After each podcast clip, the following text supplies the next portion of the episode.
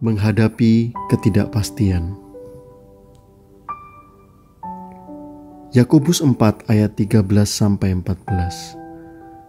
Jadi sekarang, hai kamu yang berkata, hari ini atau besok kami berangkat ke kota Anu, dan di sana kami akan tinggal setahun dan berdagang, serta mendapat untung, sedang kamu tidak tahu apa yang akan terjadi besok.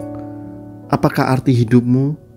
Hidupmu itu sama seperti uap yang sebentar saja kelihatan, lalu lenyap. Tidak dapat dipungkiri bahwa pada masa pandemi COVID-19 kita menghadapi banyak ketidakpastian. Berapa lama masa ini akan selesai? Belum lagi datang masalah lain seperti goncangan ekonomi, politik, perubahan sosial, dan lainnya, yang sebagian besar belum ditemukan solusinya. Tentu saja kondisi ini dapat membuat banyak orang bertanya, di mana Tuhan? Terlebih lagi, banyak orang berpikir bisa mengendalikan hidup. Baik masa sebelum atau sesudah pandemi, banyak orang merasa pintar dan merasa bisa menguasai hidup. Ada yang merasa bisnisnya tidak mungkin goyah karena sudah berpengalaman dalam hal bisnis. Ternyata muncul juga masa di mana semuanya harus dibangun kembali dari nol.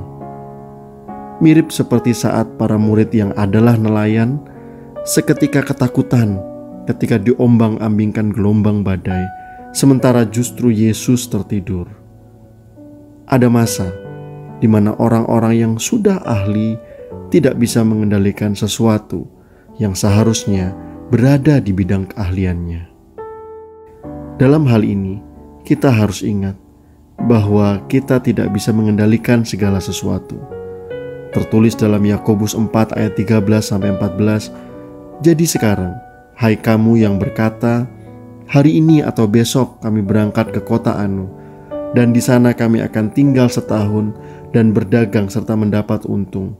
Sedang kamu tidak tahu apa yang akan terjadi besok. Apakah arti hidupmu? Hidupmu itu sama seperti uap yang sebentar saja kelihatan, lalu lenyap. Kita harus lebih banyak berserah dan mengandalkan Tuhan. Jangan bereaksi keliru. Reaksi yang keliru adalah mengeluh, bersungut-sungut, marah, kecewa, menyalahkan keadaan, atau bahkan menyalahkan orang lain. Akibatnya, situasi hati kita semakin tidak baik.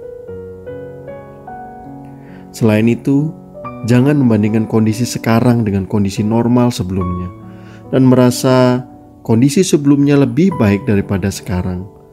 Padahal tidak ada yang baru dalam hidup ini.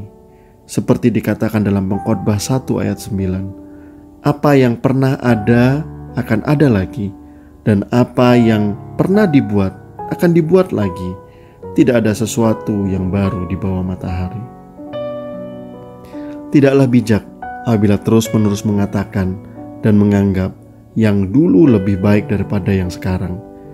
Sebab keadaan saat ini mungkin saja justru lebih baik dari sebelumnya.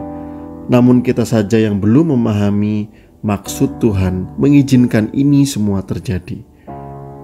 Saat menghadapi ketidakpastian, tetaplah percaya Tuhan pasti memberikan jalan yang terbaik. Amin.